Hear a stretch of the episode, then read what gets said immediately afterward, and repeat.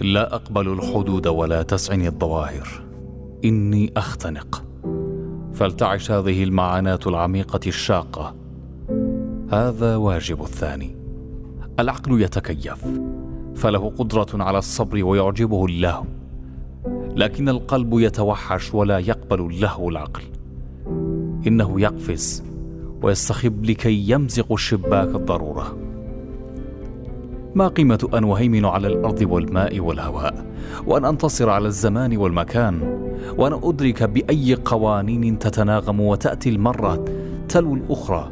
هذه الصورة المنعكسة على المرايا التي تصعد من الصحراء العقل الملتهبة. أشتاق إلى شيء واحد وأن أدرك ما الذي يختبئ خلف الظواهر. وما هو هذا السر الذي ينجيني ثم يقتلني؟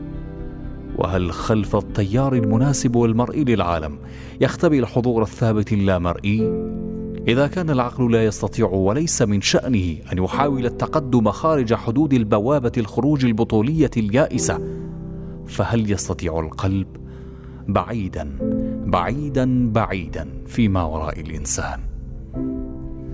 أبحث عن الصوت اللامرئي الذي ينهال عليه ويدفعه للكفاح وفيما وراء الحيوانات أشهد نفسي لأرى ذلك البدائي الذي ينافح صانعا ومهدما وهو يكسب مرة أخرى أقنعة التي لا تحصى لتنطبق على التيار اللحم.